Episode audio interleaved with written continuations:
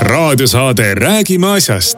Eesti asjadest nii nagu need on, räägivad Mart ja Martin Helme ning nende huvitavad saatekülalised pühapäeviti kell üksteist. loe põnevate teemade kohta rohkem ka uudisteportaalist uueduudised.ee tere tulemast kuulama raadiosaadet Räägime asjast, me räägime asjast Tre raadios, Ring FM-is, Ruut FM-is, Kuressaare pereraadios iga pühapäeva hommikul kell üksteist kordus on sellel saatel kell üheksa õhtul. internetist saab kuulata alati, kui süda lustib. täna on meil stuudios trio, lisaks tammidele, Mart Helmele ja Martin Helmele on meil erakonna eurosaadik Jaak Madisson. Jaak käis meil just äh, Ameerikas presidendivalimisi vaatlemas ja jagab muljeid, tere Jaak. Äh, tere kõigile ka minu poolt, kõigile ilusat pühapäeva, äh, olen tagasi sellest Ameerika Ühendriikidest tervena, ma usun, siiamaani olen terve Äh, ja tõesti, et me siis kohtusime äh, mitmete Trumpi liitlastega seal Steve Bannoniga, tema ihuadvokaadi Rudy Giulianiga. kunagise New Yorgi linnapeaga, kes on tõsimeelne vabariiklane, konservatiiv. Nigel Farage'iga ka minu meelest. Äh, Nigel Farage'iga me trehvasime juhuslikult kokku koridoris, kes käis ka nii-öelda kampaania rallidele kaasas toetamas Trumpi ja, ja no loomulikult, et kõik uuringud, mis olid vabariiklastel olemas ja mida nemad tegid, näitasid Trumpi väga selget võitu, kindlat võitu. ja nad olid selles täiesti veendunud, ka valimisõhtul, kus me osalesime seal mitmete vabariiklastega äh, näitasid ju esialgsed tulemused väga selget eduseisu nii Floridas, Texases, mis kuulutati ju nii-öelda kõik massimeedia ja ka siin Eesti meedia poolt. demokraatide alaks, kust tuleb sinine laine ja, ja võidavad liberaalid seal võitis kindlalt äh, Trump ja nii kui hääli loeti esimese paari-kolme tunni jooksul oli selge, et Trump läheb aina rohkem eest ära. ja siis äkitselt, mis juhtus kõigile šokiks, kui meeleolu hakkas juba kasvama, siis äh, peatati häälte lugemine Pennsylvanias, Georgias, veel mitmes, mitmes osariigis lihtsalt häälte lugemine pandi kinni õhtul kell üksteist, kaksteist ilma ühes, ühe, ühegi selgituseta ja põhjenduseta. ja noh, seda tulemust me tänaseks juba näemegi, et eh, mis selle tagamõte oli. et eh, ma ei ole küll mingi vandenõuteoreetika, aga lihtsalt, kui see asi haiseb jubedalt eh, teatava manipulatsiooni ja pettuse järele, siis siis põhimõtteliselt ongi see selle seletus sellele, et lihtsalt äh, ausalt häälte lugemine näitas, et Trump hakkab võitma ja kiiresti reageeriti ja hakati süsteemi ümber mängima kuid jah, kui, kui, kui, kui muidu Trumpi, Trumpi kampaania üritusel me käisime ka ühes äh, kohas, no väga võimas, mitte kuskil sa ei näe Joe Bideni kampaania üritusi, kus on kümme, kakskümmend tuhat inimest ootab paar tundi külma tule käes, et äh, näha Trumpi. noh, see positiivne energia, see võimsus, mis seal taga oli, noh, see, see juba näitab seda, et ei ole usutav, et lihtsalt üks äh, vana mees, kes kohtub kahekümne inimesega, suudaks edestada ametis olevat presidenti, kelle kampaania võimsus ja mootor oli täistuuridel, kus viis-kuus kohta käidi üle Ühendriikide ühe päeva jooksul läbi. noh, see lihtsalt ei ole kuidagi tervele mõistusele vastuvõetav e. E e ennem kui me seda juttu jätkame, ma ei jõudnud, sa panid kohe minema, ma tahtsin teemat ka ära markeerida, et meil äh, lisaks Ameerika valimistele, kuhu me, mille me teeme esimeseks teemaks täna, sest et see on kõige tähtsam teema ka, ma arvan. räägime siis ka äh, sellest koroonasituatsioonist Eestis ja, ja maailmas laiemalt ja, ja räägime ka siis äh, põgusalt või lühidalt äh, meie keskkonnaministri, ministri vahetamisest, aga, aga lähme selle Ameerika juurde tagasi, et. et noh, sissejuhatuseks ma ütleksin niimoodi, et ega me siin saates oleme ka ju mitmel puhul öelnud, et vabariiklased tegelikult ju äh, hoiatasid ja olid valmis selle jaoks, et valimisi üritatakse äh, võltsida. ja noh, mis mind ikka tükk aega on hämmastanud ja jätkuvalt hämmastab, on see, kui jultunult vasakpoolsed valetavad ja varastavad. et sellel ei ole kunagi nagu selle, sellel põhjatul augul põhja ei ole ja, ja ka praegu, kui me vaatame ikkagi Eesti meediat, siis ju seal ei räägita sellest, kuidas siis ikkagi juhtus niimoodi, et, et Trumpi edu nii-öelda sulas ära, tulevad lihtsalt. meie meedia räägib küll, meie meedia räägib, kuidas Trump pillub alusetuid süüdistusi, aga tal ei ole mingit tõendusmaterjali. no see ju lihtsalt ei vasta tõele, kusjuures veelgi naeruväärsem on see, et kui meil Eestis valimised toimuvad, kui üldse kuskil valimised toimuvad siis esimene allikas on ju see, et sa lähed noh, siis ametliku valimiskomisjoni leheküljele või ametliku valimiskomisjoni info alusel kõik raporteerivad. Ameerikas ei ole niimoodi. Ameerikas äh, põhimõtteliselt valimistulemuse üle otsustavad meediakanalid ja seda nii-öelda ametlikku valimistulemust ei ole pooltes osariikides veel väljagi pandud. aga, aga nüüd äh, jõudes nende, nende võltsinguteni, siis noh, ma toon Wisconsini ja Michigani äh, näited et mis siis seal oli, seal oli niimoodi, et äh, peaaegu kõik hääled olid loetud, üheksakümmend neli, üheksakümmend kuus protsenti olid loetud, Trump on ees saja tuhande häälega. noh, valijaid kokku seal mingisugune neli-viis miljonit, Trump ees saja tuhande häälega, vahe on sihukene poolteist protsenti, kaks protsenti. ja, ja siis järsku sõidab kohale mingisse jaoskonda furgoonauto, kust hakatakse pappkastides laadima maha uusi valimissedeleid, mis kõik on Bidenile. Kõik on Bidenile. Ja äh, ei mingit äh,, ei mingeid valijaid endeid, ei mingit äh, sedeli väljastamist, sedeli täitmist, sedeli kasti last, lihtsalt tuuakse veoauto kastis kohale, koormatäis sedeleid ja ennäe imet, sealt tuleb sada kolmkümmend tuhat, sada viiskümmend tuhat häält, kõik Viimseni Bidenile ja need lähevad arvesse ja need lähevad arvesse. sest ametlikult võetakse, et need ongi need äh, posti teel, äh, kirja teel hääletanud, äh, mis hakatakse üles koha peal lugema, sest et näete, me ennem valimispäeva lõppu ei tohi neid avada ja siis tuuakse furgooni kohale ja mitte keegi ei kontrolli, et kust need toodi, kes nad sinna kastidesse pani kes nad täitis, kuidas nad koha peale kirjadega saati, et see ongi sihuke nagu ametlik nagu suitsukate asjale, et näete, see on täiesti puhas asi ju. ja samal ajal on olemas piisavalt palju videotõendeid, kuidas vabariiklased on üritanud minna siis valimisjaoskondadesse jälgima valimisi. Ei, uks kinni, me ei lase, nad on kaetud aknad kinni puitplaatidega põhimõtteliselt äh, demokraadid. noh, nüüd äh, paar päeva tagasi vaatasin äh, pilte valimisjaoskondades, kus valimisjaoskonnas töötavad inimesed, noh neegrid, kellel on nokamütsid peas, Biden, Harris, Biden, Harris. no kuulge, Hallo, kas saaks mõelda nagu Eestis, et ma ei tea, keegi istub Reformierakonna nokamütsis katsiga valimisjaoskonnas ja võtab sedeleid vastu või? et see on hullumeelne lihtsalt. ei no aga minu, minule oli väga tõsine kahtluse moment kohe, nii kui see kirja teel hääletamine seal aktsepteeriti ja ma mõtlesin kohe see on nüüd nende analoog e-valimistele e. E-valimisi seal ei ole, aga kuidagi tuleb petta, kuidagi tuleb võltsida ja siis leiutati suurepärane võimalus, need on posti teel antavad hääled. Ja need posti teel antavad hääled peaksid olema siis ka kindla protseduuri kohaselt. mis postkontorist, ma ei tea, isikukoodid, inimesete nimed, elukohad, valijate registrisse kandmised, aga mitte midagi taolist seal ei ole ju, seal on lihtsalt ei bülletään, no, bülletään, kogu lugu. kõige naeruväärsem see, et noh, tuletame meelde, milline kohutav äh, nördimus ja raev oli Eestiski, kui Valgevenes valimised toimusid. võltsing, täielik võlts, ma ei vaidle vastu, loomulikult Valgevene valimised ei ole ausad ega õiged vähem karjuti siis, kui kumba see nüüd, Kõrgõzstanis olid hiljuti valimised, kus täpselt samamoodi, eks ole mis on nende valimiste siis üks, üks, üks põhjus, miks inimesed saavad rahumeeli öelda, et tegemist on võltsinguga. sest valimisaktiivsus on üheksakümmend üheksa protsenti ja üheksakümmend üheksa protsenti neist, kes käivad valimas, hääletavad ühte kindlat kandidaati ja nüüd tuleb välja Ameerikas mõnedes ringkondades, mõnedes osariikides on valimisaktiivsus mitte üheksakümmend üheksa, vaid sada neli protsenti ehk isegi üle saja protsendini valimis ja kõik hääled sada protsenti, mitte üheksakümmend üheksa protsenti, vaid sada protsenti. teatud ringkondades nendest saja neljast protsendist lähevad kõik Bidenile. Ja keegi ei tee sellest teemat, pole probleem, näete ühe..., läks juhtima Biden, ohoo. ma toon ühe analoogi veel meie e-valimistega. Ega meie e-valimiste sisse ju ka mitte keegi ei näe peale paari inimese, kes on valimisteenistuses. paar inimest, väga väike arv inimesi ja no loomulikult need ju hävitatakse pärast kohe. nüüd vaatame, mis on juhtunud meil järjest valimistel.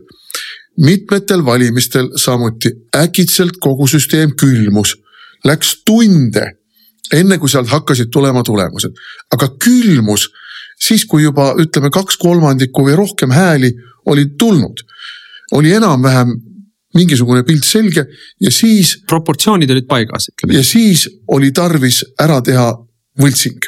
võltsing, mis oleks jäänud usutavuse piiridesse, aga andnud teatud eelise teatud jõududele. nüüd viimastel aastatel on olnud samuti niimoodi, et kusagil kaks, kolm, valimisjaoskonda ühes piirkonnas, teises piirkonnas, kolmandas piirkonnas, mitmetes piirkondades paar valimisjaoskonda, millegipärast sealt ei tule kuidagi tulemusi. ja siis äkki tulevad ja need tulemused on täiesti selgelt senist proportsiooni moonutavad. ja kuidas see käib meil? ma olen seda uurinud, ma olen seda küsinud, kõrva vastu maa pannud, kõrva vastu raudteerööbast pannud. on olemas selline suurepärane asi nagu valijate register. valijate register Eestis, seda peetakse väga piinlikult. seal ei ole inimesi, kellel ei ole õigust valida. aga seal on kümneid tuhandeid inimesi, kes ei ole mitte kunagi valimas käinud ja kelle hääled on vabad ja kelle hääled on võimalik kantida e-valimistel e-häälteks. Ja, ja, ja kanditakse ja, ja, ja tulevadki ja siis tulebki, kuidas Reformierakond võitis valimised ülekaalukalt tegelikult ei võitnud. ja no siis tulevad sellised tohutult koomilised äh, situatsioonid, kus öösel kell neli laekub järsku sulle neli tuhat, täpselt neli tuhat häält ühele või teisele kandidaat. Ameerikas sama lugu, eks äh,. muide äh, äh, seal ei ole nii nagu meil, et äh, valijate nimekirjad on piinlikult täpsed, sest et näiteks äh, Pennsylvania osariigis kümned tuhanded inimesed, kes olid juba surnud.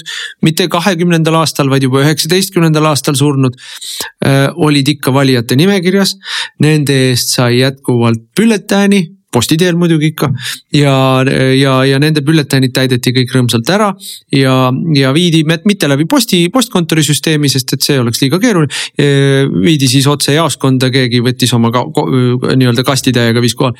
ja teine, mis ma, mis, mis on nagu ka ikkagi väga naljakas, on täpselt see, et loeti ära peaaegu lõpuni vaadati, kui suur see vahe siis on ja siis järsku avastati ports uusi hääli, mis kõik olid Bidenile ja, ja, ja olid noh, täpselt nii suures koguses, et natuke rohkem kui vaja on. ja on veel üks asi, mida on dokumenteeritud videote ja kuna Ameerika on selline riik, kus noh, rassism on ajalooline tohutu probleem olnud, kõik me teame seda, kui kole ja hirmus. siis neegrilt dokumendi küsimine on rassismi ilming. see on tema, ütleme siis valimisõiguse allasurumine. nii et kui neeger läheb hääletama, siis temalt dokumenti küsida ei tohi. noh, kas meie kujutame ette, et sa saad valima minna niimoodi, et sa dokumenti ei pea näitama Äh, ei tule pähegi selline mõte, eks. Äh, aga näe, Ameerikas nii saab ja selle tõttu on e-, erinevates toredates linnades organiseeritud siis äh, selline loosung hääleta varakult ja hääleta palju. ja, ja võetakse, pannakse bussitäis aktiviste, demokraatliku erakonna aktiviste kokku ja nad sõidavad jaoskonnast jaoskonda ja igal pool hääletavad, sest dokumenti ju ei küsita ja, ja, ja rekordhääletajad on seal niisugune enam-vähem viisteist, kakskümmend hääletusjaoskonda sõidab see buss läbi. muide see on vana traditsioon. E, e, tuntud luuletaja, kirju-, kirjanik Edgar Allan Poe ju suri, noh, tal oli viina, viinaviga, alkoholi, alkohol, alkohoolik oli ta no ta suutis kaineid perioode pidada, aga kui ta kurgi peale astus, siis ta muidugi pidama ei saanud. ja ühe valimiskampaania ajal joodeti ta täis. Ja siis sõidutati teda jaoskonnast jaoskonda, kogu aeg teda jootes. Ja arvatakse, et selle jootmise tagajärjel ta suri no vot, kodaniku aga muidugi igal pool hääletas ta nii nagu, nii nagu pidi hääletama. nagu napsu eest vaja oli jah. kõige naljakam on ju see, et äh, põhimõtteliselt Eesti meedia ja siis ka nii-öelda meie nii-öelda mugavuspoliitikud on siin viimastel päevadel kritiseerinud, et. kuidas me ei tohiks mitte ühtegi sõna võtta Ameerika valimisteemal, see on demokraatlik, see on äh, meile kohatu. siis tekib alati küsimus see, et mis annab meile õiguse siis kritiseerida, ma ei tea, Valgevene või Venemaa või mingid muude X riikide valimisi, eks ole.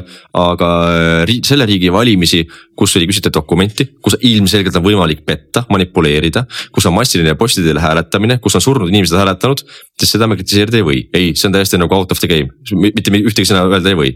et noh, see on lihtsalt nagu nii, nii naeruväärne ja, ja napakas, et mul küsiti ju, käisin Postimehe eetris ja see oli ka see küsimus, et. et kuidas ma suhtun sellesse, et et näete, et mingid reformierakondlased on öelnud, et meie asi pole sekkuda ja me ei tohiks midagi öelda. siis on vabandust nagu härrasmehed, et kuulge nalja teete või, et see on teie arvamus asjast, aga me ei järgi teie reeglid. et kui teie tahate vait olla, olge, kui me näeme selgelt, et asi on nagu mäda ja sul võltsitakse valimisi või manipuleeritakse selleks. et saavutada mingisugust ideoloogilist äh, võitu selles rindesõjas, kus on tegelikult hea ja kuri on praegu vastamisi. siis ausalt öeldes meie selle mängu kaasa ei lähe, kui tahame öelda, ütlemegi aga teiseks noh, mis on positiivne asi siiski lõpuks, ja mis ka omakorda jällegi nagu paljastab seda manipulatsiooni, et asi ei ole puhas, et see asi ei saa olla nii, nii äh, nagu aus. on see, et üldiselt traditsiooni kohaselt see, kes võidab presidendivalimised, see partei võtab enamusega senatis. no väga selgelt, kuna samal ajal valitakse kogu äh, kolmandik senatist ümber ja terve esindajate koda eks alamkoda, siis üldiselt äh, senatis saab ka enamuse see partei, kas vabariiklik või demokraatlik, kes saab ka presidendi. ehk siis täna on keskendunud nad sellele, et saada Biden ametisse aga nad pole keskendunud sellele, et manipuleerida tulemusi niiviisi, et saada enamus ka senatis. sest täna tundub, et see senati ülekaal jääb jätkuvalt vabariiklastele, konservatiividele. no see ütleb, et asi ei ole nagu kooskõlas, see ei ole loogiline. ja, ja see omakorda muidugi plussiks, sest et noh, isegi kui see pettus läheb läbi, isegi kui Biden saab presidendiks, no hüva. siis vähemalt on äh, lootus sellele, et see senati enamus suudab hakata blokeerima vähemalt kõige hullemaid või äh, noh, idiootsemaid algatusi, mis sealt tulla võib et see on umbes sama asi, mida üritasid teha ju Nancy Pelosi ja demokraadid äh, alamkojas äh, Trumpiga, eks ole, et hakata neid vetostama. lõpuks senat ikkagi ütleme kiitis heaks ja lasi asja läbi, sest et vabariiklaste käes on seal võim ja sellele Trump saigi tugineda nii et äh, noh, selles mõttes ütleme. ja kusjuures see on väga õige ja, ja iva ongi tegelikult selles, et selles mitte lihtsalt ei ole see on loogika viga. vaid see paistab ikka need traagelniidid hästi kaugele välja. et, et tegelikult on ju Trump vabariiklaste hulgas noh, tohutult populaarne, tohutult populaarne, noh, sa said kirjeldada siin neid koosolekuid ja neid meelsusi ja sa olid ju ainult idarannikul, eks ole. et nendes sellistes tegelikult linnades, kus demokraadid on ülekaalus ja isegi seal oli selline täielik elevus ja noh, elektriline õhkkond. Aga nendes piirkondades, mis on nagu traditsiooniliselt vabariiklikud piirkonnad, noh, ta on täielik noh, ta on täielik heeros, eks ole, tal on, ta on noh, hästi populaarne. ja ta on, ja ta on oluliselt populaarsem kui noh, ütleme mingi keskmine senaator või kongressman. ja, ja, ja, ja olukorras, kus vabariiklastel läks tegelikult senatis hästi ja ka alamkojas hästi Äh, noh, siin ei ole loogikat, et ta kaotas äh, traditsioonilised vabariiklikud äh, osariigid, et ta kaotab sellistes osariikides nagu Georgia või Põhja-Carolina või, või, või seesama Arizona osariik. et noh, see ei ole, see ei ole mõeldav, et ta tegelikult seal niimoodi kaotas, eriti kui me arvestame sellega, et algul, kui hääled kokku loeti, siis ta võitiski. aga siis hakkasid kuskilt mingid tulema mingid hääled, mida öeldakse, et oi näe, Biden võttis järgi.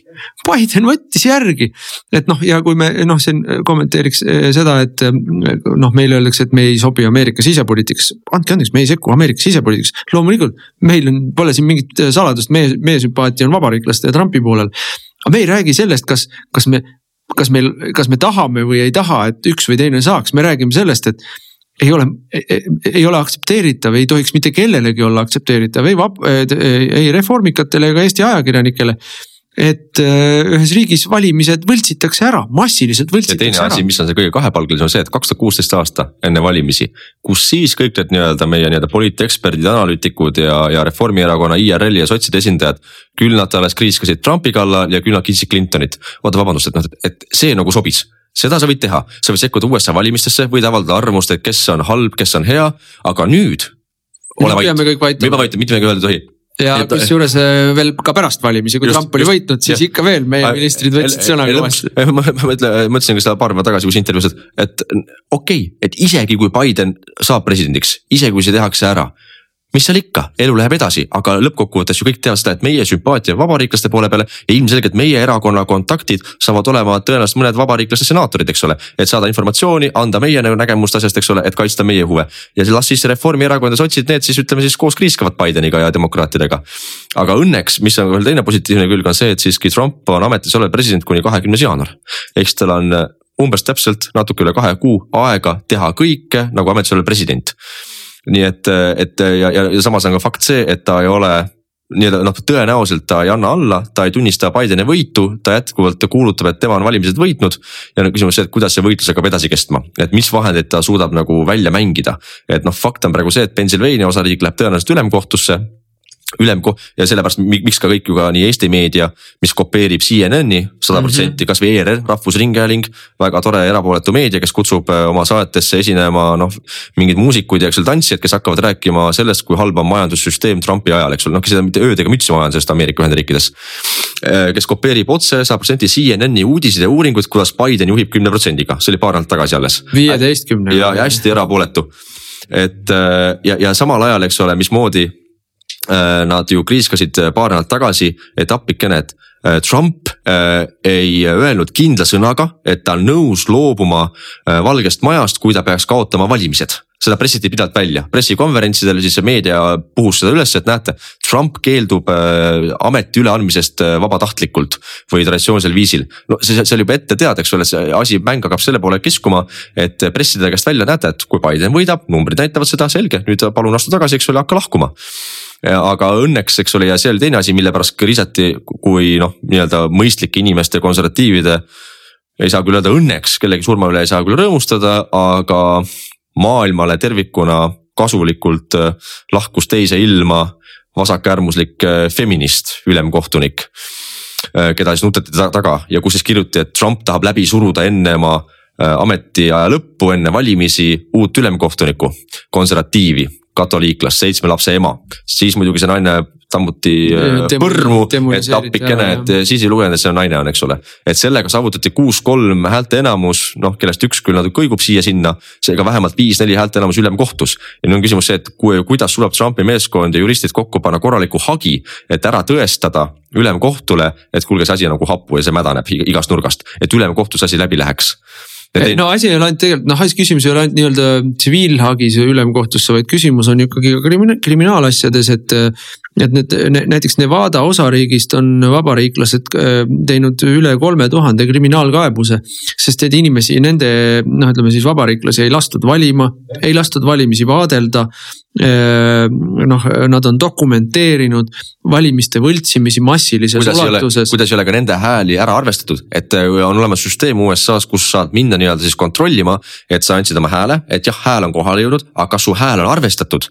ja siis Twitteris ka seal vabariiklased kutsusid üles üles nagu raporteerima inimesi, et palun minge kontrollige sellele lehele, kas teie hääl on arvestatud. ja siis tuli massiliselt vastused, ei, näete, ongi vastusel, minu häält pole arvestatud. ja selle põhjalt hakati tegema hästi palju kriminaalkaebu, kaebusi ja, ja teine asi, mida Trump saab teha muidugi ametisoleku ajal, ta saab äh, vallandada FBI peadirektori. See on tema võimus, eks ole, ütleme, et kui tahta üldse hakata nii-öelda veel viimast nagu pingutust tegema, et seda asja nii-öelda ikkagi rööbastele tõmmata no üks asi, mis sai ka noh, täiesti, mida me ju oleme ka siin sada korda rääkinud, on see, et need küsitlused. küsitlused ei ole ju mitte, ei näita meile, mis seis on, vaid küsitlused on osa propagandast. no aga seda me saa, hakkame nägema saama nüüd ka Eestis nii meie referendumiga seoses. kui kohalike valimistega seoses, kui ka presidendivalimistega. küll te näete, kuidas meedia mõtleb meile välja koos süvariigiga, mille osa ta on toredad Eesti inimesed, kes võiksid olla presidendid ja hakkab siis rahva käest küsima. et missugune on mm -hmm. siis mhm. toetus ühele või teisele Marinale või, või, või, või Kerstile või ma ei tea. ükskõik, mis nimesid me siin paneme. ja, ja siis tuleb, näe, missugune toetus sellele inimesele, tema võiks tõesti olla mm. -hmm ja ei täpselt, aga noh. aga, aga ja, ja kõrvale pannakse muidugi halvad noh, mõned Mardid ja Martinid või Jaagud ja, ja Urmased, kellede puhul siis öeldakse, et oi ei noh, rahvas neid ei taha küll mitte. ja, ja, kaasa arvatud mitte valijamehed, kuigi meil valijamehi ei ole teada ega mida.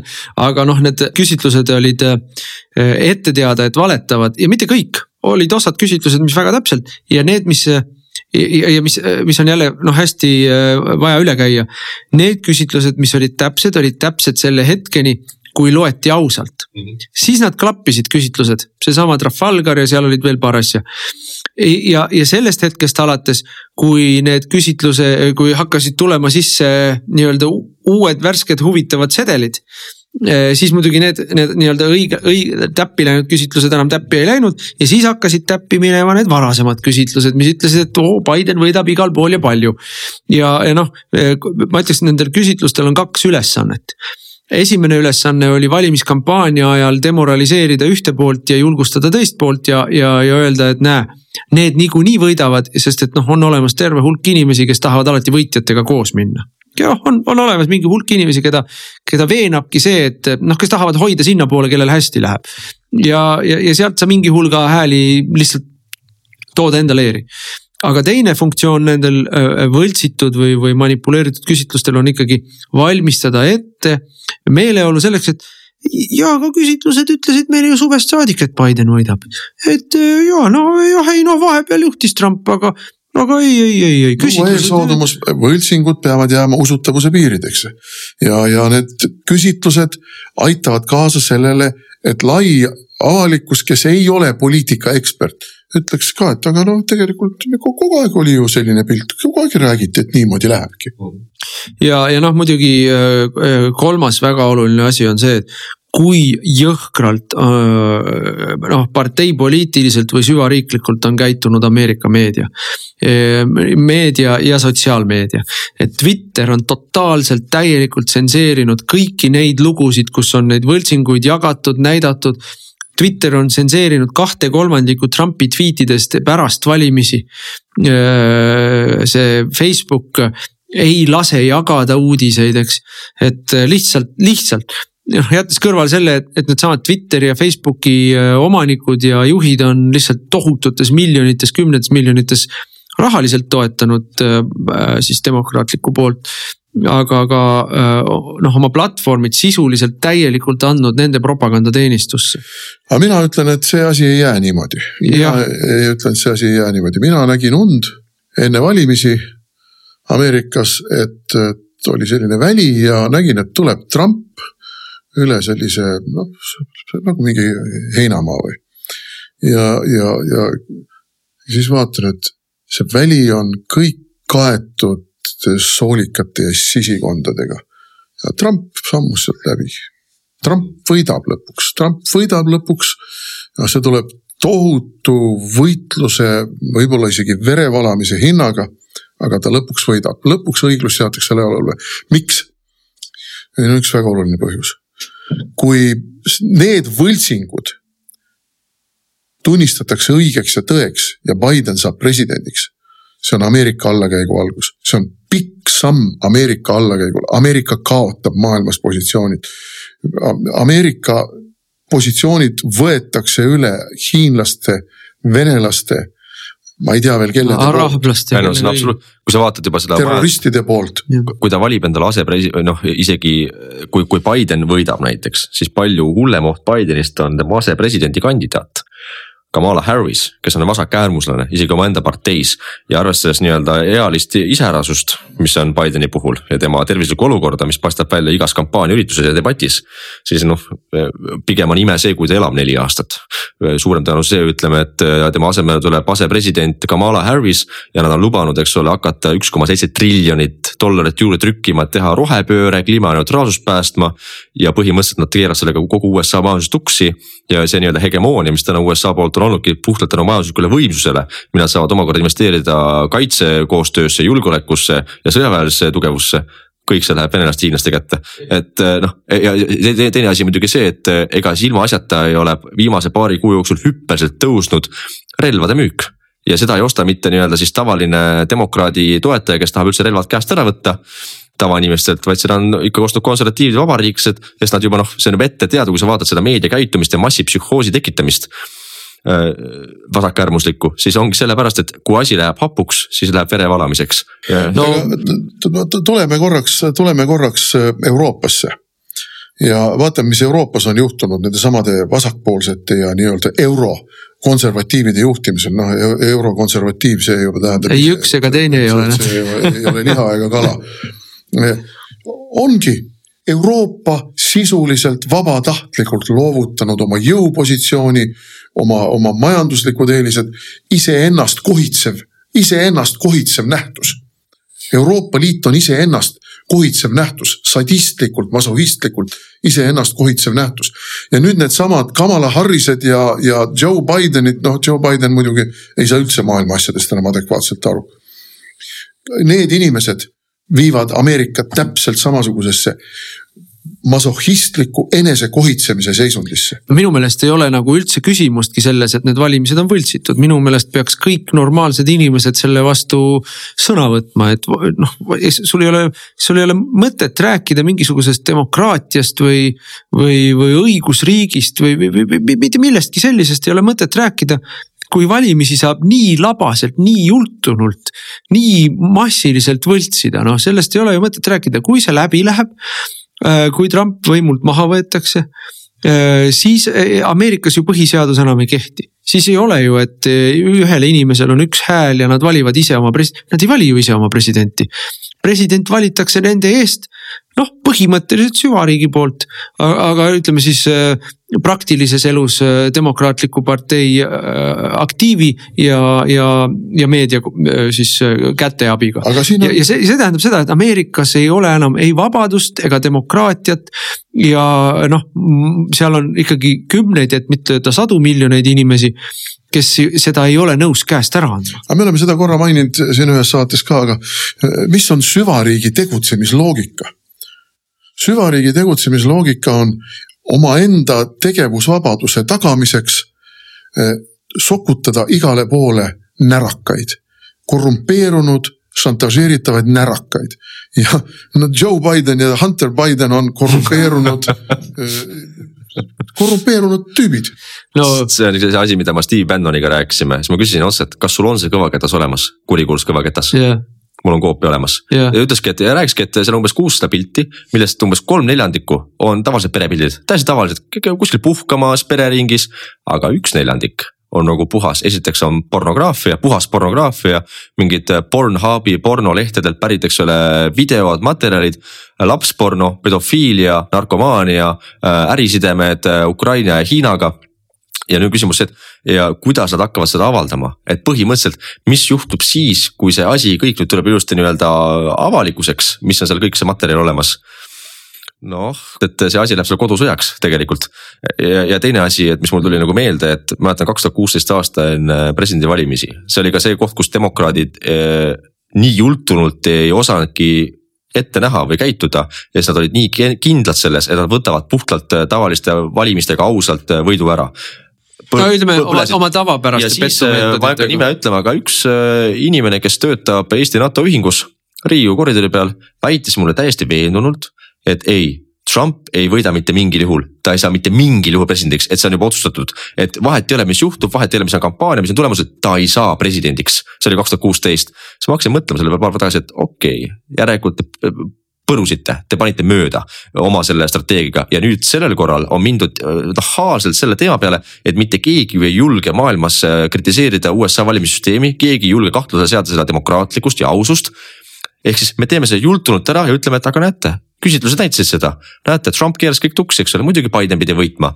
ja nüüd on, aga õnn, õnneks on sattunud Trumpi otsa, kes lihtsalt niisama alla ei anna no ma ütleks ka, et kui üldse on kedagi, kes sellest äh, sellisest käitumismustrist äh, läbi tuleb, äh, siis noh, see on Trump, Trumpi isiksus, et väga-väga palju ei ole niisuguseid poliitilisi figuure, kes noh, sellises, sellise massiivse skeemiga noh kuidagigi toime tuleks, aga ma tahtsin selle Bidenite kohta veel öelda, et. et äh, Hunter Biden on lihtsalt muidugi jah, äh, tarvitab usinasti narkootikume, Ukraina äh, prostituute. aga tema põhitegevus siiski sel ajal, kui tema isa oli asepresident ja sel ajal, kui Hillary Clinton oli riigisekretär, oli vahendada massilisi suur, suuri miljoni ja, ja kümnete miljonite tehinguid hiinlaste ja Bidenite perega ja venelaste ja Bidenite perekonnaga ja ukrainlastega ja Bidenite perekonnaga ja ka araablastega.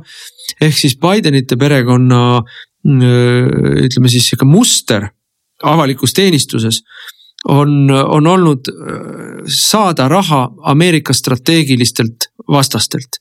mida nihukesed inimesed hakkavad tegema, kui, kui, kui nad saavad presidendi ameti noh, mida siin arvata, mismoodi see Ameerika positsioonile maailmas mõjub? aga noh, ega seda püütakse teha ka Eestis, põhimõtteliselt me näeme ju seda, kuidas Trumpi vastast laimukampaaniat kopeeritakse meil, no reedel lugesin ma ei tea, Postimehes vist suur lugu. kuidas Eesti poliitika, poliitiline kultuur on alla käinud ja missugust retoorikat tarvitatakse ja süüdi on selles loomulikult EKRE, süüdi on selles Mart ja Martin Helme, kes kasutavad räiget sõnapruuki. ja siis on seal suured äh, fotod äh, koos tsitaatidega, no loomulikult, kui on must näitavust, see on väga räige jooksku Rootsi, mitte Rootsis, vaid Rootsi, see on jube räige, see on räuskav, see on räige. Äh, siis emotsionaalselt üles köetud naine, see on nii räige, see on nii kohutav. No siis seal on- oli lausa tehtud selgeks meile, et nüüd on lapsed ka hukas selle tõttu. ja siis noh tasakaalustamiseks on ka paar tsitaati Jürgen Ligilt. Aga noh, Jürgen ei ole muidugi milleski süüdi ja Ansipilt ka oli seal midagi. aga noh, kurja juur oleme ikka meie ja siis ütleb keegi, Rein Toomla seal, et ei no mis selle EKRE-ga ei olegi midagi muud peale hakata, see tuleb lihtsalt üle elada. ja vot nüüd ongi see, et eelmine kord nad tegid ka valearvestuse. ka meid valitsusse lastes nad tegid valearvestuse aga nüüd nad tahavad seda valearvestust korrigeerida ja selles mõttes see võitlus, mis ka meil ees seisab siin, eriti veel kui Trump äh, peaks oma võitlustes alla jääma, see saab olema kohutavalt karm. ja, ja no selge, et noh, ütleme kõ- kõik need nii-öelda globalistid, ega noh, ma ütleksin niimoodi, et globalistlikul äh, kambal ikkagi hakkab äh, pind jalge alt ära minema. noh, Trump, Brexit, Marine Le Pen, Salvini, noh, need on, need on ju kõik märgid selle eest, et on olemas kriitiline mass inimesi, kes ei ole nõus ära andma oma vabadust, ei ole nõus ära andma oma kultuuri ja identiteeti, ei ole nõus ära andma ka oma, oma jõukust, oma normaalset me see, seda elustandardit, millega me oleme harjunud ja mille nimel me oleme töötanud ja põlvkonna, põlv, põlvkond põlvkonna järel lääneriikides ka tasapisi rikkamaks saanud, eks ole. et kogu see globaalne agenda ju põhimõtteliselt hävitab seda. ega põhimõtteliselt, ega see, see, vastutus eelkõige, et seda juhtuks, on ka nii-öelda keskmisel Eesti inimesel. tavalisel Eesti inimesel, kes kuulab seda raadiosaadet, kes loeb uudiseid, loeb massimeediat, et nemad peavad võtma oma jalad kõhu alt välja, esiteks minema valima õigel päeval, minema valimispäeval, hääletama sedeli peal, et igati moodi vähendada seda riski, et keegi võiks manipuleerida või võltsida. ja see on iga inimese vastutus, kui ta tahab elada vabas riigis, kus talle ei panda käske keelde ette, ei võeta tema õigusi ära, ei tõmmata talle propagandaga mütsi pähe. et see on iga inimese enda kuradi kohustus, et, et, et mitte lasta endale pähe istuda. et see on õnneks, mis on nagu USA kõige suurem pluss on see, et äh, isegi praegu nii-öelda valimistulemuste järgi, mis on manipuleeritud, on Trump saanud rohkem hääli summa summaarselt, kui ta sai kaks tuhat kuusteist. et see mass, mis on pandud liikuma seal selle nii-öelda õiguste kaitseks ja vabariiklaste poolt, on ikkagi meeletu. et seal need inimesed teevad, Eestis on tihti sihukest nagu tiksumist näha, eks ole, no mis seal ikka, minu häälest midagi ei loe ja ma üldse valima ei lähe ja no ma valin Jürgen Ligi, ta on tore naljamees.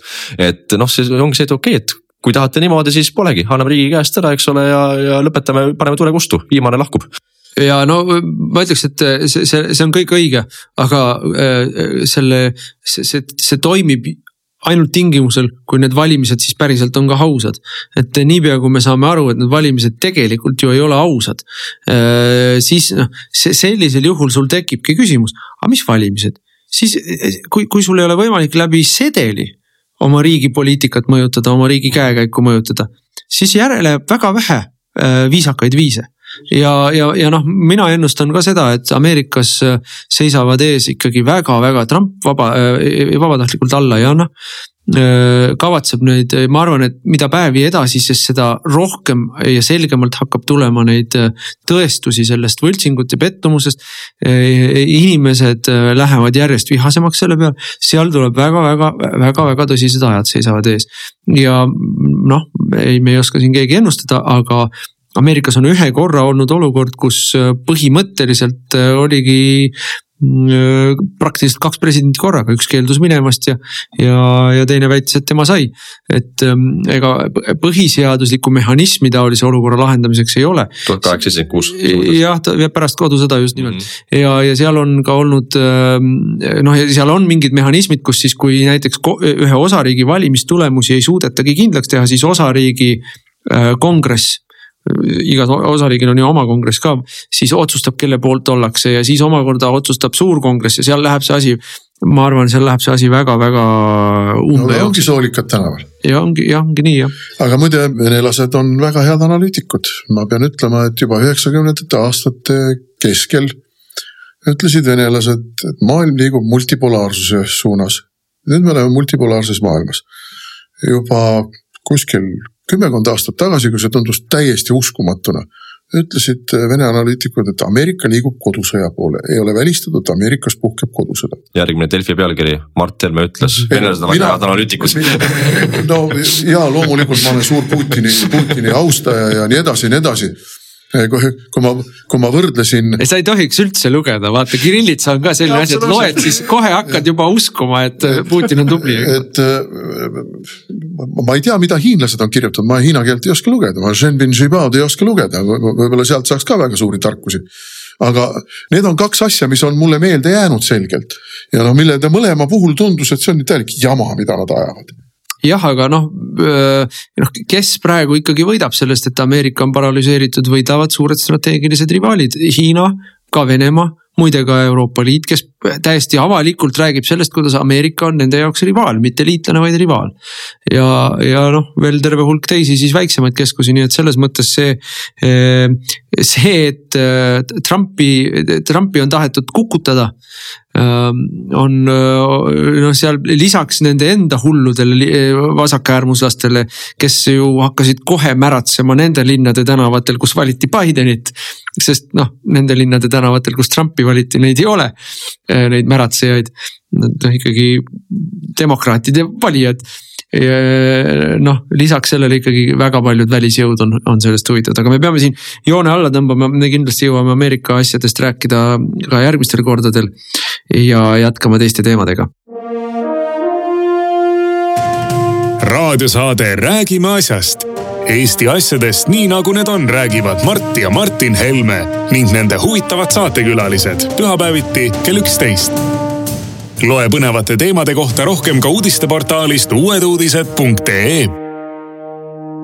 Äh, jätkame koroona teemaga. Äh, meil on äh, käes see olukord, mida me väga lootsime, et ei tule. meil on ikkagi väga kiire, väga kiire nakatumiste kasv on kätte jõudnud.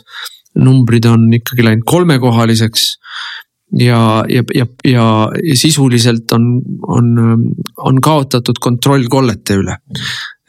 sisuliselt on meil ikkagi seis selline, et aina rohkem inimesi ei tea enam, kust nad nakkuse on saanud. Neid nii-öelda nakatumisahelaid enam ei ole võimalik järgida.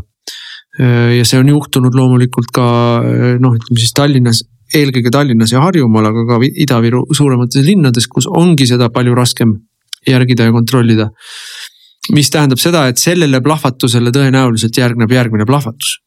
ehk siis äh, see ongi nagu öeldakse, eksponentsiaalne ja, ja ma arvan, et me liigume äh, noh, selliste numbrite suunas, mida me oleme näinud Lätis-Leedus siin ikkagi üle viiesaja, kuuesajaste numbrite suunas. noh, kirvereegel on selline, et äh, selle nakatumiste numbri kohta natuke vähem kui kümme protsenti jõuab haiglasse.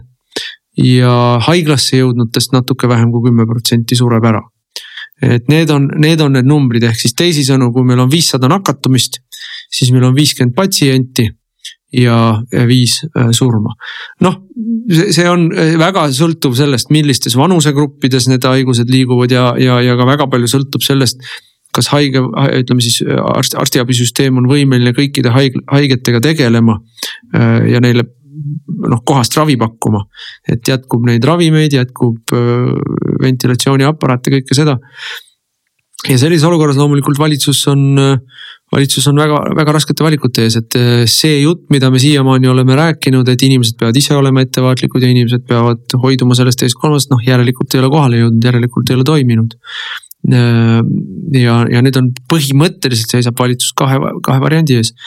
Kas me ütleme, et proovime nii kaua kui võimalik, nii leebete meetmetega kui võimalik ja lihtsalt lepimegi, et meil on mingi hulk surmasid.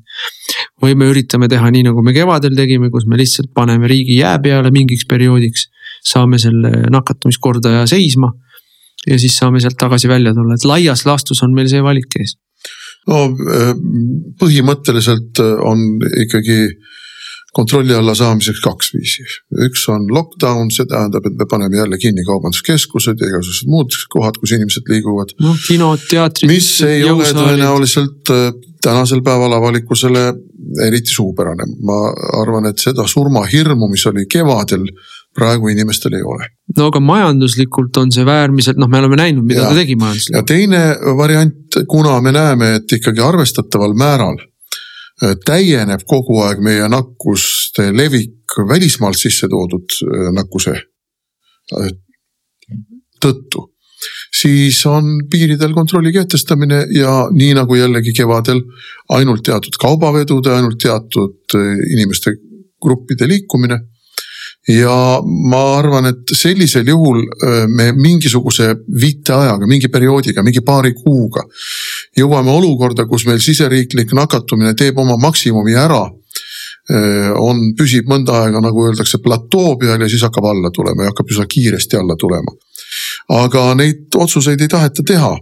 ja noh, tunnistame ausalt, ka valitsuses ei ole väga suurt üksmeelt nende meetmete osas ja noh, see, see, kuhu suunda minna, see on noh, seal on, seal on tõsine, tõsine vaidlus. mina koht. olen seda meelt, et me peaksime välispiirid sulgema. jah, minu meelest oleks see esimene koht, kust alustada ja, ja loomulikult ka suuremad massiüritused peaksid olema keelatud. Aga mida ma ei tahaks, ma ei tahaks äh, sellist ühiskonna sulgemist, mida me oleme paljudes lääneriikides näinud ja mida ma veel, kindlasti veel vähem äh, üritaksin noh, et ei juhtuks Eestis, on see, et meil selline kohutavalt range politsei politseiriik lajatatakse selga, nagu me oleme näinud, no sa võid rääkida, mis sa Belgias näed no, või. see on ikka jube. aga. no see ongi, et. kasu ei ole ju. ei, kasu ei ole jah. häda ongi nagu selles, et ei ole, ei ole olemas ühtegi tõestust selle kohta, et milline meede reaalselt mõjub. Mis on see päris efektiga nii-öelda see tegur, eks ole, et mis aitab viia nakatumist alla. et juba paar, paar kuud tagasi kehtis Brüsselis reegel näiteks, et sa pead maski kandma isegi õues jalutades. jalutad koerapargis, mask ees, no idiootne ühtegi selgitust polnud, aga näe, valitsus tegi otsuse seal, eks ole, oli see kohalik linnavõim. see on sihuke tehe pakas uhha otsus. see ongi see, et näidata, et näete, me midagi teeme, me võitleme viirusega, aga noh, nii lolli piirangut pole mõtet kehtestada, see võeti esimene oktoober maha. ega et, ma, ma toon siin teise paralleeli, see on terrorism. absoluutselt. terrorism, siis kui jälle kellelgi kõri läbi lõigatakse, kedagi ära pussitatakse siis saadetakse tugevdatud patrullid kuskil automaatide ja kiivritega vennikesed seisavad tänavanurkadel. mis sest tolku no, on sõbrad, no mis sest tolku. nüüd on seal ju see komandandi tund, et õhtul kella kümnest hommikul kella kuueni sa ei või isegi õues liikuda ilma mõjuva põhjuseta, sa ei või isegi minna õhtul sörkima, jooksma kas see on nagu ohtlik kuidagi viiruse levikule või nagu nalja teete? et noh, et tehakse nagu reeglid, millel pole mitte mingisugust mõju, mis on pigem nagu ühiskonna sulgemine, terroriseerimine et noh, siiamaani minu arust on see üksmeel kõigis riikides on see, et äh, viirus levib rahvarohketes kohtades, siseruumides, vähemalt veerand tundi kontakti. kus see viirus saab seal levida, ehk siis no ilmselgelt loogiline, et sa kindlasti me ei peaks minu arvates sulgema ei kaubanduskeskusi, me ei peaks sulgema nii-öelda neid avalikke kohti. Äh, me ei peaks sulgema ärisid, et äh, uut, uut põntsu panna majandusele, mis on nagu noh, see oleks kaos kuna see asi pole seda väärt. Ja noh, et noh, minu filosoofia on see, et kui sa lahendad mingit kriisi või hädaolukorda, siis need meetmed ei saa olla hullemad lõppkokkuvõttes kui see kriis ise. Et noh, äh, fakt on see, et kui me täna on kasvõi päevas tuleb viissada nakatunut, eks juurde, siis tegelikult nakatunute arv on seal kordades suurem keda ei, keda ei testita, keda ei leitagi ülesse, kes on asümptomaatilised, kel pole mitte ühtegi kaebust. ehk siis tegelikult see suremuse protsent, kui äh, ametliku numbriga on umbes üks protsent, siis tegelikult on seal ütleme võib-olla null koma kolm, null koma neli protsenti. aga see, mida võiks kehtestada minu arvates on see, et ongi, et maski kandmiskohustus siseruumides, kaubanduskeskustes, jah, tahad minna osta kingi, mine, aga mask kõigil ees, eks ole, et vähendada seda nii-öelda. no desinfitseerimist ka kindlasti peaks tagasi tooma. jah, täpselt. no tuleme siin ikkagi nüüd jälle otsustamise praktika juurde, niipea kui me räägime räägime sellest maski kandmise kohustusest, niipea hüppavad püsti mingid juristid, kes hakkavad rääkima sellest, kui valitsus kehtestab kohustuse, siis valitsus peab sellega tagama, et maskid on kättesaadavad ja inimesed ise nende eest ei maksa. no ei ole niimoodi, ei ole niimoodi. No, aga need on väga, no... väga kõrgel tasemel aga see, see... riigijuristid, kes sellist juttu meile tulevad valitsuses rääkima. Ja siis me kulutame tunde selle üle, et arutada, kas ikka on valitsusel see kohustus need, need, need maskid anda ja need kinni maksta või ei mis, ole. esimesed tunnid kuluvad selle peale, et arutada, kas nii tohib teha. ja siis oleks. tuleb järgmised tunnid selle üle arutada, kas valitsus peab maskid inimestele ostma või mitte. väga paljudes riikides on tulemas väga palju kohtu case'e, kus firmad lähevad riikide vastu äh, kohtusse nõudmaks mingeid kahjuhüvitisi, et näete, et ma ei tea, riigid on pannud piirangud peale, mis pole kooskõlas kas põhiseadusega või rahvusvahelise õigusega, millega iganes. aga nagu on öeldud, et see on pärastine mure minge pärast kohtusse, hakake nõudma, siis hakatakse tõestama, kas oli õigus või ei olnud. kui sul on praegu kriitiline moment ja sul on vaja saada kiiresti paari nädalaga ütleme nakatumine alla, et su sotsiaalsüsteem ja haiglasüsteem ei lendaks õhku põhimõtteliselt suurema koormuse all. siis tehakse otsus kohe ära ja pärast hakatakse lahendama. järgmine aasta, kaks vaielgu kohtus mingisuguste no, sagidega. mida ma igal juhul tahan kindlasti rõhutada, on see, et ei ole valitsuses laua taga inimesi, kes arvaksid, et koroonahaigust ei ole olemas või et koroonahaigus ei ole ohtlik või et. et see kõik on mingisugune väljamõeldud vandenõu, see on olemas, see on ohtlik haigus, see tapab.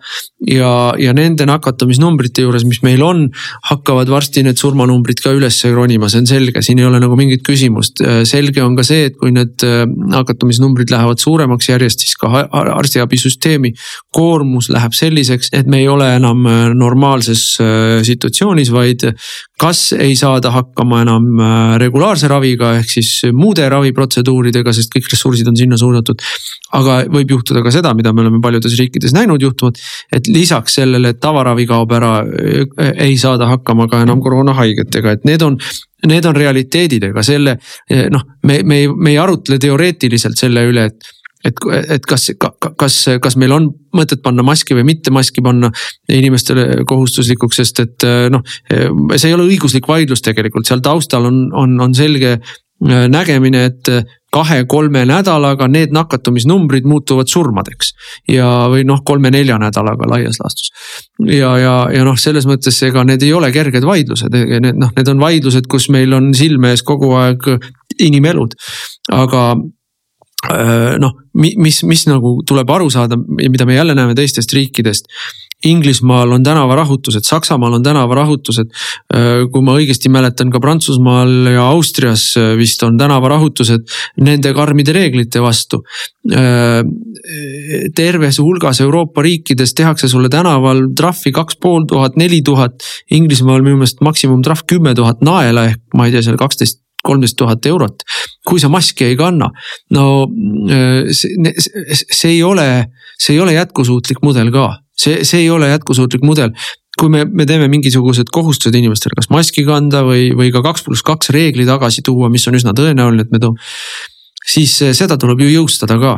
ega noh, ei ole niimoodi, et äh, me teeme reegli ja, ja, ja, ja loodame, et see hakkab ise kehtima kevadel olid inimesed äh, küll nii kohustuslik, kohusetundlikud ja, ja, ja järgisid seda ise. aga praegu enam ei ole sellist ühi, üksmeelt, ühiskondlikku hoiakut, et jah, teeme, kõigega oleme nõus, mis valis, ei ole enam. see tähendab seda, et meil on vaja ka ikkagi rakendusjõudu sinna taha, see tähendab tegelikult poli-, politsei sunnimehhanismi. ja, ja, ja noh me ei saa väga, me ei saa väga lihtsalt puusalt tulistades öelda, et noh, saadame husaarid haloppidele peale, et kui ei ole nõus, siis saate nuia. noh, see ka ei tööta, see ja see ei aita ka haiguse vastu võidelda.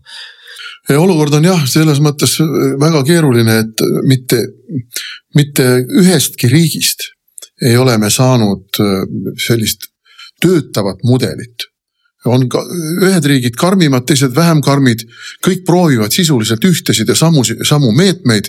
ja mina ei näe, et need meetmed. aga muide Uus-Meremaa on ja Uus-Meremaa on sellepärast, et Uus-Meremaa sulgas ennast ülejäänud maailmast. no ma tahtsingi öelda, et Uus-Meremaal on väga lihtne, sa paned piirid kinni, sa oled oma saare peal ja sa, sa teedki selle oma nakkuse laine ära ja ta tuleb sul alla. kui meie paneme piirid kinni, siis see on kõige kiirem ja efektiivsem tee viirusest jagusaamiseks loomulikult kaasnevad sellega omad probleemid, omad kahjud, omad kulud, sest et piiri valvamine, piiriprotseduurid, need kõik maksavad. meil on vaja sinna rohkem inimressurssi peale panna, kui praegu on. aga noh, siin me näeme ka seda, kuidas see trillalla-trullalla reformierakondlik valitsemine, mis kõik riiklikud süsteemid nii õhukeseks kulutas, meeletult raha samal ajal raisates et inimesi meil ei ole, struktuure meil ei ole, tehnikat meil ei ole, kõigest on meil puudus, kõik, kõige peale oleks vaja sadu miljoneid kulutada väga kiire aja jooksul, mida, mida meil ka loomulikult kuskilt tagataskust võtta ei ole. aga see on kõik selle pikaajalise trillalla-trullalla poliitika tulemus, kus kõike hööldati nii õhukeseks kui võimalik. ja nüüd me siis oleme selles olukorras, kus kriisiolukorras samamoodi jätkata ei saa no ma ütleks, et Eesti inimesed on muidugi käitunud mõistlikult, et kui me vaatame näiteks välismaa vahet liikumist, siis see on noh, drastiliselt vähenenud, drastiliselt vähenenud. aga, aga jätkuvalt käib siiski see liiklus ja mis on äh, erinevus võrreldes kevadega, välismaal käimise järel inimesed ei äh, istu karantiinis. et noh, see on, see on ka asi, mida inimesed ei tee see peab vaatama, kuidas ma, ma olen viimaste numbritega kursis, aga siin kuu aega tagasi oli statistika, et kui palju avastati siis koroona äh, nakkusega inimesi, kes tulid välismaalt tagasi, et siis oli see umbes null koma viis, üks inimene kahesaja inimese kohta. ei, nüüd on üle, üle veerandi, veerandi ja kolmandiku vahel ja, ja. no samas on meil ikka veel ka selliseid hääli valitsuses, kes ütlevad, et ei, aga noh, lennuliine oleks vaja juurde ja. ja üritusi oleks vaja rohkem ikka korraldada ja. kultuurivaldkond on rahahädas, tuleks nagu rohkem teha kontserte. eks seal aga need erinevused, eks ole, et sõltubki, eks ole kultuurivaldkonnast, eks ole, kas inimesed istuvad teatris, kus keegi isegi ei julge köhida enam. ma käisin kuu aega tagasi teatris Viljandis ja kui keegi kuskil köhatas taga, siis kõik vaatasid kurja pilguga, et noh, mis sul viga on, miks haige oled. et. miks sa haigena kohal oled? täpselt, et miks sa oled haigena kohal, et noh, ja samal ajal kui sul on, eks ole, mingisugune rokk-kontsert või suur, eks ole, meelelahuüritus, kus inimesed räägivad, karjuvad üksteist üle. no ilmselgelt, eks ole, sul on kaks asja, kus ühes kohas levib viirus nagu ütleme nagu muiste vabalt, teises kohas on see, et kus kõik on vait, eks ole, ja kuulavad et. nojah, aga ütleme, kui meil on levik läinud nii suureks, nagu ta tänasel päeval on läinud, siis see ei, eh, noh, see võis olla äh, tõsi, kui meil noh, nakatumisnumbrid olid siin, ma ei tea, ühekohalised, kahekohalised.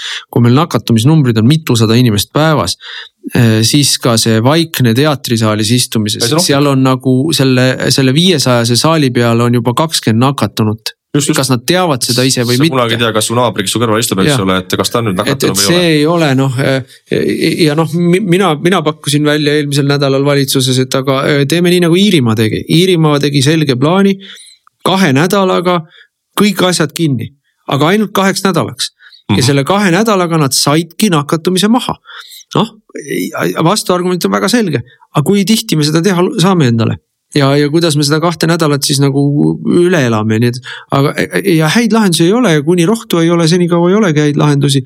nii et noh, see on, mida ma lihtsalt muidugi ütleks, on niimoodi, et. et ega meil e, ju keskeltläbi igal aastal sureb äh, grippi, tavalisse grippi ka umbes sada inimest. surevad seal sellesse, nendesse erinevatesse kõhuhaigustesse, noroviirused ja mis seal on. no kuskil seal kuuskümmend inimest ja rohkem et et ega, ega ka noh iga inimese surm on alati hirmus.